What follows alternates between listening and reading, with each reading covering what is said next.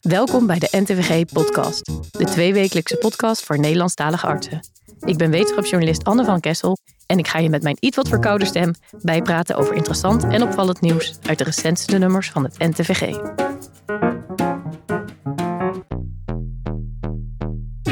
In deze aflevering hoor je onder meer hoe je voorkomt dat het contact met je patiënt door een verschil in verwachtingen verbroken raakt. En uh, dat is eigenlijk heel erg zonde, want dan kan je eigenlijk ook niet meer luisteren. Duiken Tim Dekker en Ernst-Jan van het Woud weer een paar boeiende nieuwe papers op uit de medische literatuur. Deze week uh, zijn we er weer en uh, bespreken we twee artikelen. En bespreken we waarom het voor kwetsbare ouderen vaak niet verstandig is om op de nieuwe generatie antistollingsmedicatie over te stappen. Dat is vaak een probleem dat je ziet dat geneesmiddelen niet worden onderzocht in de populatie die ze uiteindelijk het meeste gaat gebruiken. We gaan direct door naar het eerste interview van Job. Vrijwel iedere arts heeft wel eens meegemaakt dat het contact met een patiënt verbroken raakt. Door eerdere subtiele signalen dat je niet op één lijn zit op te merken en hier iets mee te doen, is dat vaak te voorkomen. Hoe? Daarover schreven psychiater Lucas Schalk en collega's een artikel. Job vraagt hem om tips en trucs. Ja, welkom Lucas. We gaan het hebben over arts-patiëntrelaties en uh, vooral wanneer die soms langzaam maar zeker kunnen ontsporen tot op het punt dat misschien een patiënt ja, de deur uitloopt en niet meer terugkomt. Uh, wat is eigenlijk de aanleiding om, om, daar, om daarover te gaan schrijven? Ja, je noemt nu uh, een best wel heftige contactbreuk eigenlijk, hè, van dat iemand de deur uitloopt. Maar ik denk dat het heel vaak voorkomt dat het contact op de een of andere manier verbroken raakt. En dat is eigenlijk heel erg zonde, want dan kan je eigenlijk ook niet meer luisteren. Hè? Dus krijgt niet meer de informatie mee die die arts misschien met alle goede bedoelingen nog zit te vertellen. Ja, je komt eigenlijk gewoon niet verder in het gesprek. Ja. Uh, dus daarom dachten we, het is wel heel belangrijk om, om daar goed bij stil te staan. Van waar kan zo'n contact eigenlijk uh, in, in mislopen? Hoe kun je dat herkennen? En wat kun je er ook eventueel aan doen? Ja, dus het kan ook heel klein zijn of heel klein beginnen. En als je daar niet genoeg op let, of als je er juist wel op let, kan je voorkomen dat het erger wordt. Ja, dus juist uh, bijvoorbeeld iemand die eventjes subtiel wegkijkt of juist de hele tijd zitten knikken, dat kan ook eigenlijk een breuk in het contact uh, verbeelden, zeg maar. Dus die is misschien er ook helemaal niet meer bij. En dan hebben we het ook over de termen overdracht en uh, tegenoverdracht. Hè? Je ja. bent zelf psychiater. Uh, ik heb het idee dat het in jullie vakgebied wat, wat bekendere termen zijn. In ieder geval meer gebruikelijke termen dan bij veel andere artsenspecialismen. Zou je ze kunnen uitleggen wat we ermee bedoelen eigenlijk? Ja, overdracht, daarmee bedoelen we eigenlijk eh, de vertekening van dat een patiënt de arts ziet als iemand die die niet echt is. Dus eh, met een vertekend beeld. Vaak is dat dan gebaseerd op een ervaring van het verleden. Dus bijvoorbeeld iemand die een hele strenge vader had, die zal misschien de arts ook beleven als een strenge autoritaire figuur. Mm-hmm. uh, dat bedoelen we dan met overdracht. En tegenoverdracht is eigenlijk de reactie van de arts daar weer op. Dus die kan zich dan juist inderdaad als een autoritaire figuur gaan gedragen of juist het tegenovergestelde gaan willen doen. Nou ja, en als psychiater zit je daar natuurlijk in die gesprekken goed op te letten. Hè? Wat gebeurt er eigenlijk met je uh, tijdens zo'n gesprek? Welke gevoelens worden er opgeroepen bij jezelf? Wat zegt dat over jou? Wat zegt dat over de patiënt eventueel? Want dan kan je er ook wat mee. Nou, omschrijven jullie in het stuk een aantal uh, casussen waarbij het uh, nou, tot op zekere hoogte uiteindelijk misgaat. Ja. Zullen we er eentje uitpakken? Goed, ja. De casus over de vrouw die op de eerste hulp, meermaals op de eerste hulp komt met buikklachten. Ja. Hoe ging dat verder? Nou, dus die mevrouw is daar al voor de, voor de zoveelste keer en ze kunnen eigenlijk geen oorzaak vinden. Die mevrouw blijft met haar klachten zitten. Ze zegt ook uh, vrij teleurgesteld aan het eind van het consult op de eerste hulp van ja, jullie helpen me niet. Uh, zo kom ik niet verder, ik ga een klacht indienen. Die eerste hulparts, die schrikt er eigenlijk van, hè, begrijpelijkerwijs. En die, uh, die wordt dan ook boos. En ja, die zegt, die schiet uit zijn slof. Ja, precies. Nou, dat, dat escaleert alleen maar verder. Uiteindelijk gaat ze met de beveiliging wordt ze naar buiten begeleid. Dus dat is geen goede uitkomst. Uh, en ze komt ook een paar dagen later weer terug op de eerste hulp. Ja, dus de patiënt is niet geholpen. Iedereen heeft er een rot gevoel over. Ja. Hoe had dit anders gekund? Ja, dus als je dan kijkt met die bril van die tegenoverdracht, uh, dan zou je uh, kunnen zeggen dat die arts op een gegeven moment natuurlijk een bepaald gevoel krijgt, namelijk dat machteloze gevoel, wat goed te begrijpen is. En ik denk dat hij dat misschien ook, als we er zo naderhand op terugkijken, had kunnen inzetten om uh, juist heel erg aan te kunnen sluiten bij die mevrouw. Want dat machteloze gevoel, dat is vanuit hemzelf te begrijpen, maar ook vanuit die patiënt die ja. ook met die machteloosheid kan. Dat delen ze allebei. Dat delen ze eigenlijk. En ik denk dat als hij daar iets moois over had kunnen zeggen van, goh, ik kan me goed voorstellen dat u machteloos bent, zoiets simpels dat kan natuurlijk al heel erg helpen uh, om uh, dan een ander soort gesprek te krijgen dan zo'n escalatie. Ja, Er is nog een andere casus, en ik vond het wel een sterke casus, omdat hier duidelijk beschreven wordt dat datgene waar ze voor komt, eigenlijk dat het uh, niet het enige is dat er nog meer speelt. De vrouw die bij de huisarts komt met de longproblemen. Ja, zou je daarover kunnen vertellen? Zeker, ja. Dus die casus gaat over een, een mevrouw die zich erg veel zorgen maakt. Ze heeft, is ook haar man verloren aan een zeldzame ziekte. En ze komt zelf met een hoest. Begrijpelijk uh, maakt ze zichzelf ook weer zorgen dat er ook iets zeldzaams met haar aan de hand is. En um, nou, de huisarts onderzoekt daar ook en die bespreekt ook van alles met haar. Maar juist die spannende lading voor haar, die blijft eigenlijk weg. Waardoor ze uiteindelijk dus ook niet adviezen van de arts opvolgt. Want die stelt een, uh, een onderzoek bij de longarts voor. Maar eigenlijk is hij daarmee voorbij gegaan, zou je kunnen zeggen, naar de hand aan, aan, de, aan de lading die er was voor die mevrouw. En ik denk dat zij eigenlijk nodig had dat, uh, dat het daar even over was gegaan. Ja. En uh, dat was, als we terugkijken op die casus, misschien anders uh, geweest als, als er even stil was gestaan bij, hey, ik, ik merk dat we niet helemaal op één bladzijde zitten. er blijft misschien iets weg. even een soort derde positie innemen van wat, wat gebeurt er eigenlijk tussen ons? Ja. Dat er dan verder had gekomen kunnen worden in weer gezamenlijkheid. En nou ja, misschien was het voor deze mevrouw wel genoeg geweest als die huisarts gewoon had gezegd: Goh, ik kan me voorstellen dat je je zorgen maakt en wat naar wat er vorig, vorig jaar is gebeurd. En dan was misschien haar vraag over die hoest ook wel voorbij gegaan. Ja, en zit het hem dan inderdaad met name in eerste instantie in, in echt die signalen oppikken als iemand wegkijkt of misschien inderdaad te veel alleen maar zitten knikken of zo op een bepaalde manier. Om dat gewoon goed te lezen. Ja, dat en, en dus inderdaad op je eigen lichaam letten.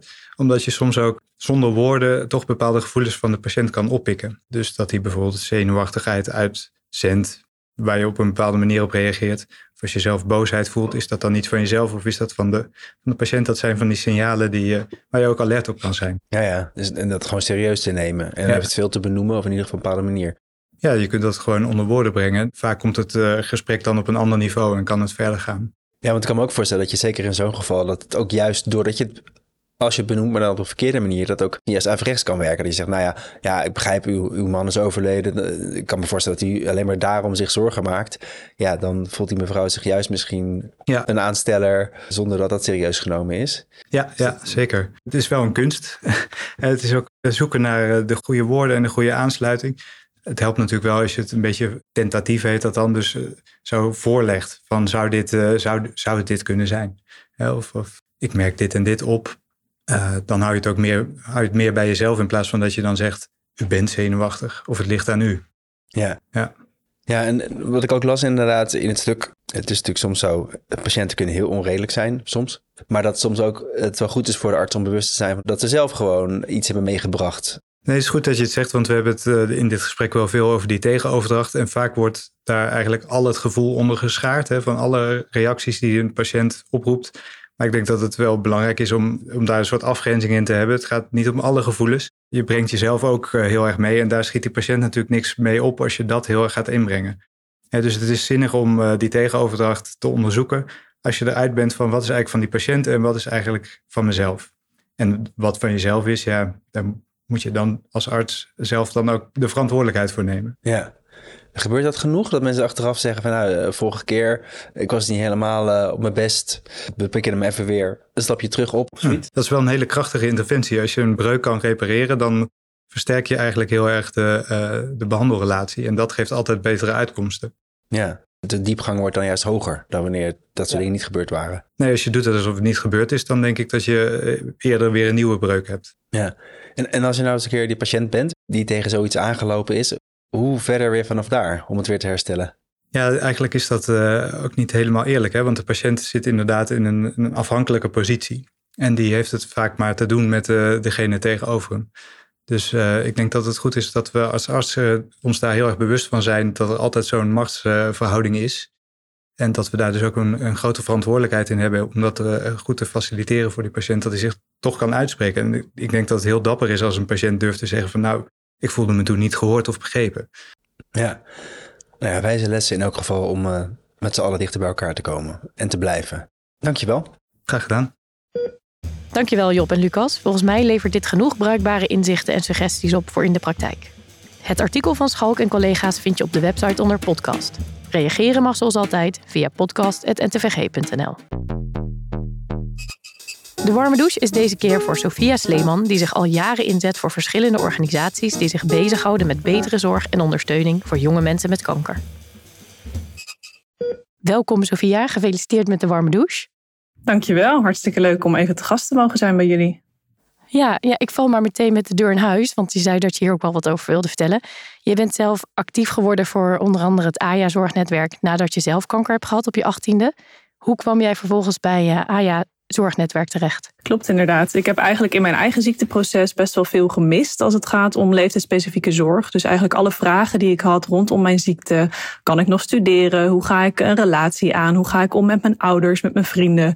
Al dat soort zaken was eigenlijk geen aandacht voor tijdens mijn zorgtraject. En toen kwam ik erachter dat er een beweging gaande was in Nederland rondom AJA's. En dat staat voor Adolescents and Young Adults. Dus mensen tussen de 18 en 39 jaar die voor het eerste diagnose kanker krijgen. En um, daar werd eigenlijk zorg voor ontwikkeld. Dat er meer aandacht is voor alles wat er speelt bij deze doelgroep. En toen ben ik mij in de eerste instantie ingezet als vrijwilliger. En later ook werkzaam geworden voor verschillende organisaties. En ja, misschien goed, je legt al de term even uit. Maar ook om even wat beter uit te leggen wat AJA Zorg dan precies is. AJA-zorg, dat is eigenlijk zorg die uh, integraal is. Dus dat wil zeggen dat er gekeken wordt zowel naar de medisch-technische aspecten van de zorg als psychosociale dingen die spelen bij deze doelgroep. Dus dan kun je denken aan uh, jonge mensen die voor het eerst een huis willen kopen, of die nog bezig zijn met hun studie, of die net een jong gezin gestart zijn of willen gaan starten. Kun je nog kinderen krijgen na chemotherapie? Eigenlijk al dat soort zaken die kunnen spelen. Dus die AJA-zorg speelt eigenlijk in op al deze aspecten. Vanaf het moment van de diagnose worden alle disciplines betrokken. Het begint bij de medisch specialist. De verpleegkundige die is eigenlijk in de lead, dus binnen het web, om al deze uh, zaken met elkaar te verbinden. En we zijn sinds kort ook opgenomen in de Sonkelsnormering. Dus het is ook echt uh, niet meer nice to have zorg, maar echt must have voor deze jonge mensen. En, en wat doet het AJA Zorgnetwerk dan precies? Het AJA Zorgnetwerk is een samenwerkingsverband van ziekenhuizen. Op dit moment zijn er 71 ziekenhuislocaties onderdeel van dit netwerk. En binnen dat netwerk wordt kennis en kunde gedeeld, de zorg geïmplementeerd en verder ontwikkeld en zorgverleners opgeleid. En eigenlijk zien we binnen dat netwerk dat juist die, die samenwerking en die uitwisseling heel erg uh, verbindend is, heel erg versterkend is. En op die manier er ook professionele consultatie bijvoorbeeld plaatsvindt. Dus dat een algemeen ziekenhuis, een AJA-poli in een UMC of het Antonie van Leeuwenhoek kan contacten op het moment dat er een casus is die wat complexer is. En soms kan de patiënt dan ook kortdurend worden doorverwezen. En op die manier proberen we de zorg dicht bij huis waar dat kan en wat verder weg indien dat nodig is eh, te faciliteren. Heb jij eh, tips voor luisterende artsen waar zij op moeten letten? Um, ja, zeker. Een van de hele belangrijke thema's die eigenlijk gelijk rondom diagnose en behandelplan speelt, is fertiliteit. Dus dat is echt iets waar de medisch specialist ook oog voor moet hebben. Voor de jonge persoon die voor hen zit. Of er nog mogelijkheden zijn om de fertiliteit te preserveren. Dus in sommige gevallen, als er systeemtherapie ingezet wordt, of bestraling of operatie in een bepaald gebied, dan uh, kan dat de vruchtbaarheid aantasten. En dat heeft echt een grote weerslag op de kwaliteit van leven op de lange termijn van jongvolwassenen. Dus daar is de medisch specialist echt in de lead om dat ook um, aan te kaarten op tijd. Te kijken welke mogelijkheden er zijn. En ook op het moment dat er misschien niet mogelijkheden zijn tot preservatie, om het toch te bespreken. Om de AJA daar in echte regie ook te laten behouden. En keuzes maken over de behandeling. En daarmee samen de toekomst eigenlijk verder uit te stippelen. Dankjewel, Sofia, voor al dit mooie werk. Um, je wilde ook nog een congres noemen dat er aan zat te komen, geloof ik. Hè? Ja, zeker. Ja. wij willen eigenlijk alle medisch specialisten en andere uh, zorgverleners van verschillende disciplines van harte uitnodigen om deel te nemen aan het Space for AJA-congres op 15 mei 2024 in Den Bosch. En dat is een dag gevuld met allerlei informatie over AJA-zorg, het verlenen daarvan, het uitwisselen van kennis en kunde en voorbeelden uit de praktijk. Dus uh, van harte uitgenodigd. We zullen de link ook nog wel even delen in de show notes. Super. Dankjewel, Sophia. Dankjewel. Het is tijd om te gaan luisteren naar de meest bevlogen medisch commentatoren van Nederland. De mannen van de House of Godcast. Tim Dekker en Ernst-Jan van het Woud. Zij zijn weer in een aantal belangrijke medische onderzoeken gedoken. Ik ben benieuwd wat deze week de analyses zijn. Yes, dankjewel. Deze week uh, zijn we er weer en uh, bespreken we twee artikelen. En we gaan zo dadelijk verder met een artikel over antihypertensiva bij ouderen. Maar we beginnen met een artikel dat binnenkort in het NTVG uh, zelf verschijnt. En dat is een studie uitgevoerd door Niels Scholt en Jasper Brugt uit het Erasmus Medisch Centrum. En zij beschrijven een meta-analyse waarbij wordt gekeken naar de waarde van thuismonitoring bij hartfalen. En voordat we naar de resultaten gaan, eh, Tim, kan je misschien een beetje achtergrond uh, geven over dit onderwerp? Jazeker, en laten we dan beginnen met de noodzaak van, van dit onderwerp, dus die thuismonitoring bij, bij hartfalen. Want wat de auteurs ook al terecht zeggen, is dat hartfalen door vergrijzing steeds vaker voorkomt. En ook ja, dat de zorg voor patiënten met hartfalen ook steeds meer en meer vraagt van de zorg. Wij zien natuurlijk ook vaak in het ziekenhuis mensen die worden opgenomen met acuut hartfalen. En dat maakt het ook belangrijk om ja, interventies te verzinnen die patiënten met acuut hartfalen, of misschien wel dreigend acuut hartfalen, zo vroeg mogelijk op te sporen. En dat het voordat het echt misgaat, deze patiënten thuis te behandelen en ze zo uit het ziekenhuis te houden. Maar goed, dat is althans het, idee. Ja, en nou zijn er een aantal methoden die ik zelf ook kan bedenken en die in de praktijk misschien worden toegepast. Maar ja, eigenlijk schetsen ze hele uiteenlopende mogelijkheden om dit te doen. Kan je even vertellen wat ze, wat ze allemaal beschrijven? Ja, dus grofweg kun je zeggen, en daar kijken de auteurs ook naar in deze meta-analyse, heb je de invasieve en de non-invasieve vormen. Dus als we bij de non-invasieve vormen beginnen, dan kun je hierbij denken aan verschillende manieren om een patiënt polyklinisch te vervolgen, eh, ofwel via metingen thuis of met behulp van symptomen proberen ondersteuning te geven en met adviezen een dreigende acute decompensatie te voorkomen. Nu is daar ook heel veel literatuur over en de auteurs van de meta-analyse laten ook zien dat deze methode, dus die non-invasieve uh, thuismonitoring, dat dat inderdaad ook gunstige effecten heeft, namelijk een afname van de mortaliteit en ook een reductie in het aantal opnames voor hartfalen. Het is wel heel erg, een heel erg heterogeen effect overigens en dat zal vast ook wel te maken hebben dat er ja, heel veel verschillende strategieën zijn die dit, eh, die non-invasieve monitoring kunnen doen. Maar het lijkt in ieder geval een positief resultaat te hebben. Ja, dat, dat klinkt goed. En ja, dit kunnen we ons denk ik allemaal iets bij voorstellen. En in meer of mindere mate doen we dit denk ik ook allemaal als je betrokken bent bij de zorg voor hartfalen. Maar die invasieve eh, vormen van telemonitoring, dat was wel nieuw voor mij. Dat klinkt toch een beetje spannend. Wat, wat moet ik me daarbij voorstellen? Ja, een beetje wel inderdaad. Ehm, je, je kunt daarbij gebruik maken van apparaten die reeds bij de patiënt zijn ingebracht. Dus denk bijvoorbeeld aan ICD. Die kun je ook gebruiken om bepaalde metingen te doen. Maar je kunt ook speciaal voor dit doel een apparaat inbrengen. En zo is er bijvoorbeeld een, een druksensor en die, die meet dan de druk in de arteria pulmonalis. En dat kun je dan gebruiken als indicator van de vullingsstatus van de patiënt. En zo heb je ook direct een objectieve maat hiervoor in handen. En op basis hiervan kun je weer aanpassingen doen in de medicatie of andere adviezen geven. En zo heeft een van de twee auteurs van deze meta-analyse ook een studie hiernaar gedaan. Die liet zien dat deze strategie met zo'n invasieve meting inderdaad het aantal opnames met hartfalen vermindert. En dat kwam ook naar voren in deze meta-analyse. Namelijk deze invasieve metingen leiden over het geheel genomen tot een aangetoonde reductie in het aantal hartfalenopnames. Maar laten we overigens in deze analyse althans nog geen aangetoonde winst op mortaliteit zien. Nee, en nou kan je afvragen of dat ook het hoogste doel moet zijn in deze patiëntengroep. Of dat het ook al heel veel winst is om eh, te zorgen dat er minder opnames zijn en mensen stabieler zijn. Lijkt me ook goed voor kwaliteit van leven. Maar al met allemaal veelbelovende data. En die niet-invasieve monitoring, ja, dat wordt dus wel frequent uh, toegepast in de praktijk. Maar het is toch de vraag wat de rol uh, gaat zijn van die invasieve metingen. Dat zal ook niet weer voor iedereen zijn. Uh, wat, wat schrijven de auteurs daarover? Ja, inderdaad. En ik, ik hoop ook dat er in de komende jaren meer onderzoek gaat komen naar welke vorm van monitoring voor welke patiëntengroep, ja, wellicht op basis van risicocategorieën, nou het meest optimaal is. Dat, daarnaast gaat dat ook qua logistiek wel, denk ik, eisen stellen aan ons systemen. Maar ik ben wel heel erg benieuwd hoe dat zich gaat ontwikkelen. En daarnaast kun je ook wel voorstellen dat misschien kunstmatige intelligentie ook deze systemen in de toekomst ook nog wel kan gaan verbeteren. Ook een interessante ontwikkeling. Um, goed, in ieder geval nu denk ik goed voor de luisteraar om te weten dat dit veld volop in beweging is en dat we daar denk ik de komende jaren nog veel meer over gaan, uh, gaan horen.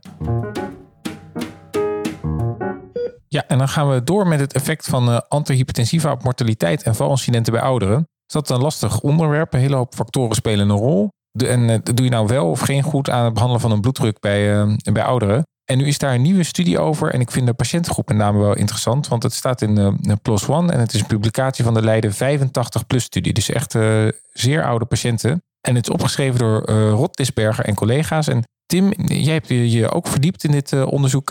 Ja, wat maak je ervan? Laat me beginnen met te zeggen dat hypertensie natuurlijk een heel veel voorkomende cardiovasculaire risicofactor is. En dat de behandeling daarvan natuurlijk in de algemene zin leidt tot minder hart- en vaatziekten. Maar het is alleen maar de vraag of dit ook geldt voor ouderen. Want in deze patiëntengroep kan intensieve bloeddrukcontrole en antihypertensieve behandeling wel leiden tot overbehandeling en mogelijk wel complicaties. En er zijn ook wel verschillende observationele studies die suggereren dat de relatie tussen hoge bloeddruk en mortaliteit wat zwakker is bij de oudste ouderen. Dus zo kan een hoge bloeddruk of een hoge systolische bloeddruk misschien zelfs juist een wat beschermend zijn op oudere leeftijd. Dus dat maakt dat het toch voor deze groep wel moeilijk is wat je nou precies moet gaan doen. En moet je die mensen antihypertensiva geven, ja of nee? Nou, en dat is dus zeker de noodzaak eh, tot meer data. En daar is nu dan deze studie bijgekomen die naar de uh, zeer oude patiënt met uh, hypertensie heeft gekeken. Ja, klopt. De onderzoekers hebben inderdaad gekeken in een cohort van de alleroudste, dus de 85-plussers, en wel 5, 544 van die oudste ter ouderen. En in deze studie werden zij prospectief vervolgd. Dus de deelnemers werden na hun 85ste verjaardag aan het begin van de studie gezien en onderzocht. En vervolgens ook weer jaarlijks gedurende een verloop van vijf jaar jaarlijks gezien. Nou, hierin werd onder andere verzameld ten aanzien van valpartijen, de bloeddruk en ook het gebruik van antihypertensiva.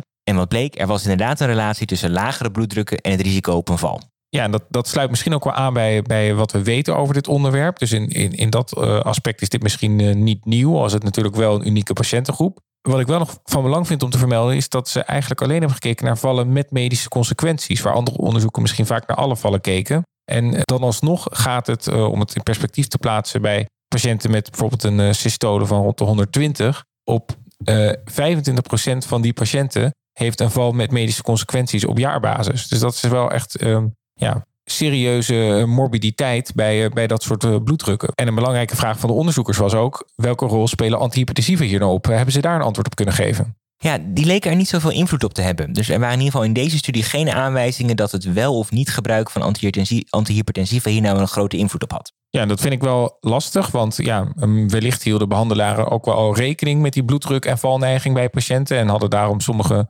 patiënten expres al geen antihypertensivum. En dat, dat maakt het wel lastig om deze bevindingen te interpreteren. Dus wat moeten we hier nu mee? Ja, het is net heel moeilijk te zeggen, want het, is een observationele studie. Hè. Dat zoals je al zegt, dat, dat maakt de, de interpretatie heel erg moeilijk.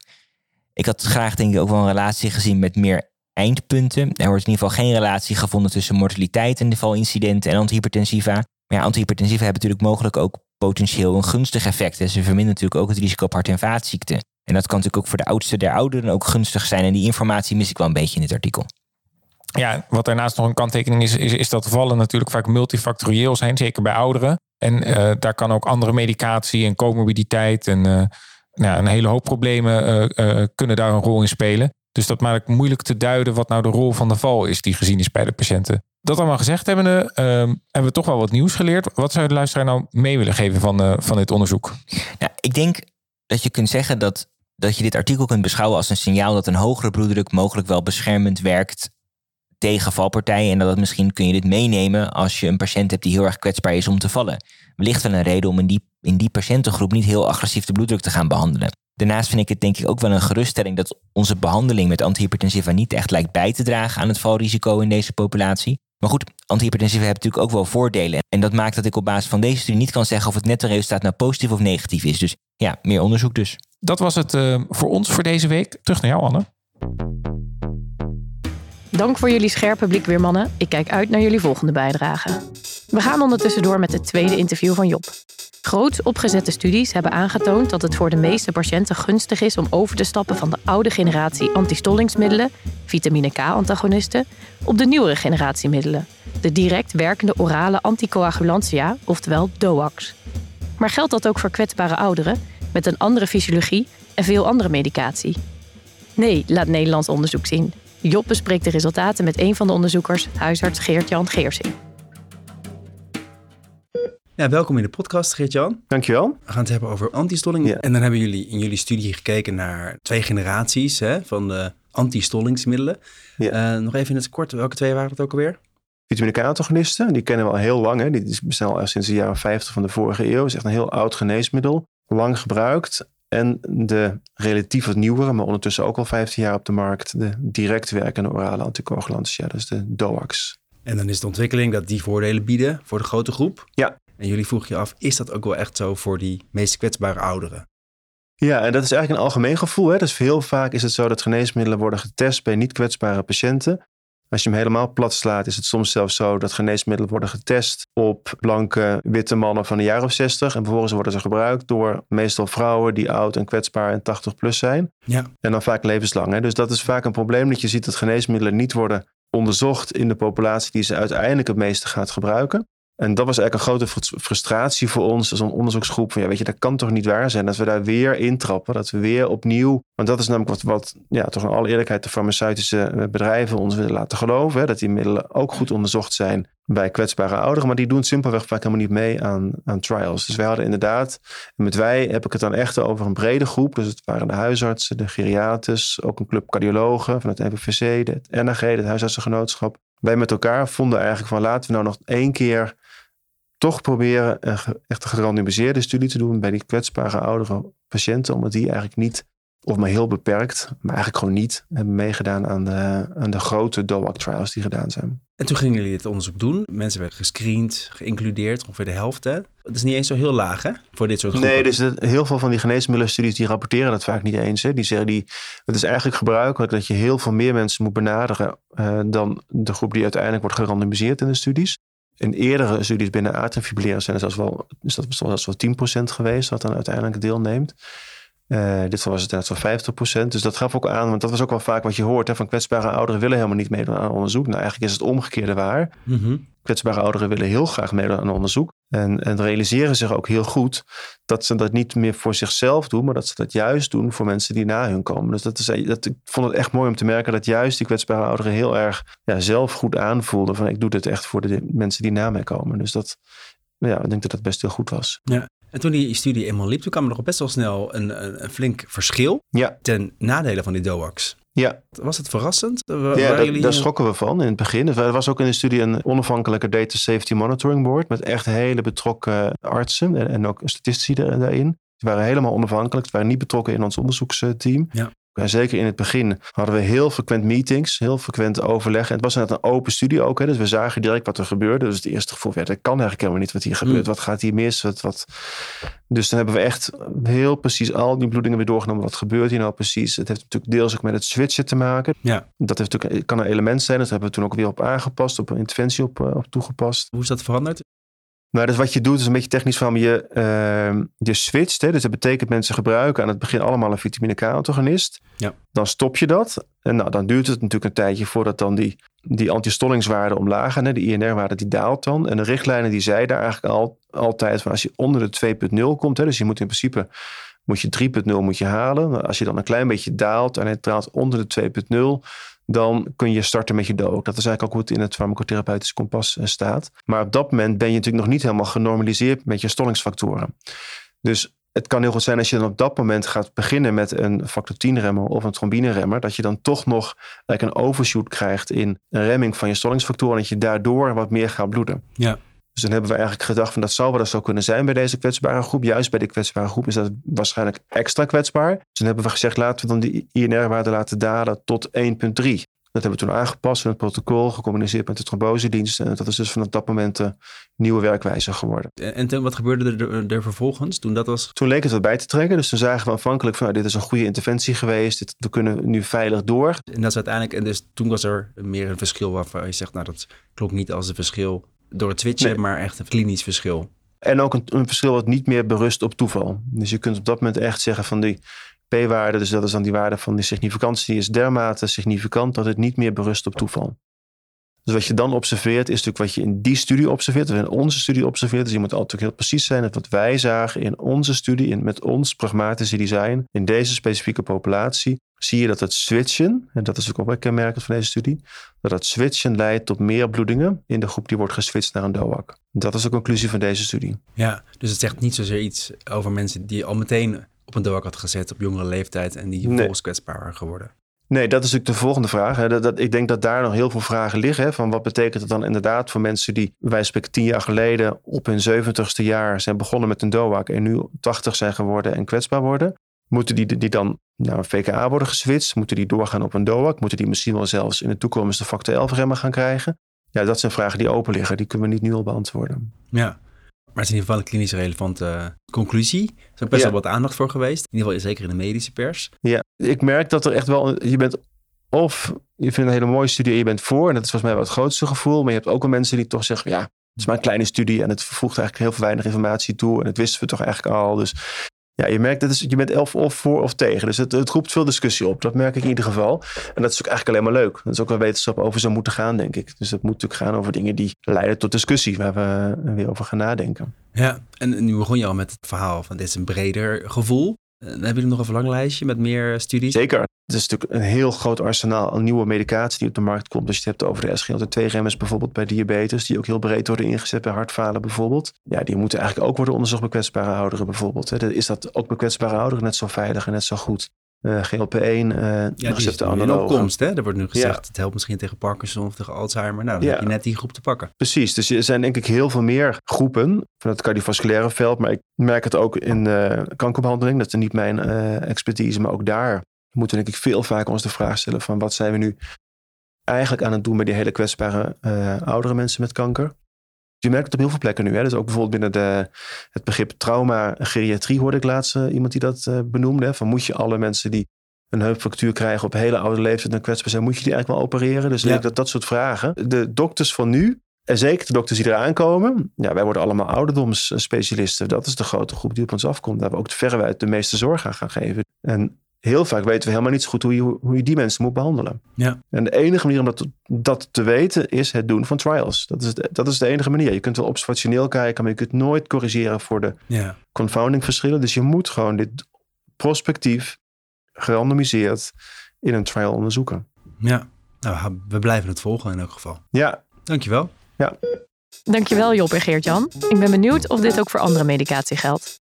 Het artikel van Geersing en collega's vind je op de website onder podcast. Reageren mag zoals altijd via podcast.ntvg.nl. En hiermee zijn we aan het einde gekomen van deze aflevering... waarin we hoogtepunten uit het vernieuwde NTVG-maandblad bespraken. Maar de rest van het blad is net zozeer de moeite waard. Bekijk en lees het nieuwe blad, gedrukt of op de website. De redactie is heel benieuwd wat jullie ervan vinden. Over twee weken is mijn collega Job de Vriese de host. Heb je een vraag of een suggestie voor bijvoorbeeld de warme douche? Laat het ons weten via podcast.ntvg.nl. Waardeer je onze podcast? Stuur ons dan door naar die ene collega waarvan je zeker weet dat hij of zij ons ook kan waarderen. En laat vooral een review achter door een aantal sterren te geven. Zo help je ons om niet alleen de beste, maar ook de best beluisterde medische podcast van Nederland te worden. Voor nu een heel fijne dag gewenst en tot de volgende aflevering. En onthoud, een goede arts is een goede luisteraar, dus blijf luisteren. Dit is een podcast van de NTVG-redactie in samenwerking met mij, Anne van Kessel, Job de Vrieze, Tim Dekker, Ernst-Jan van het Woud en audiocollectief Visionair Ordinaire.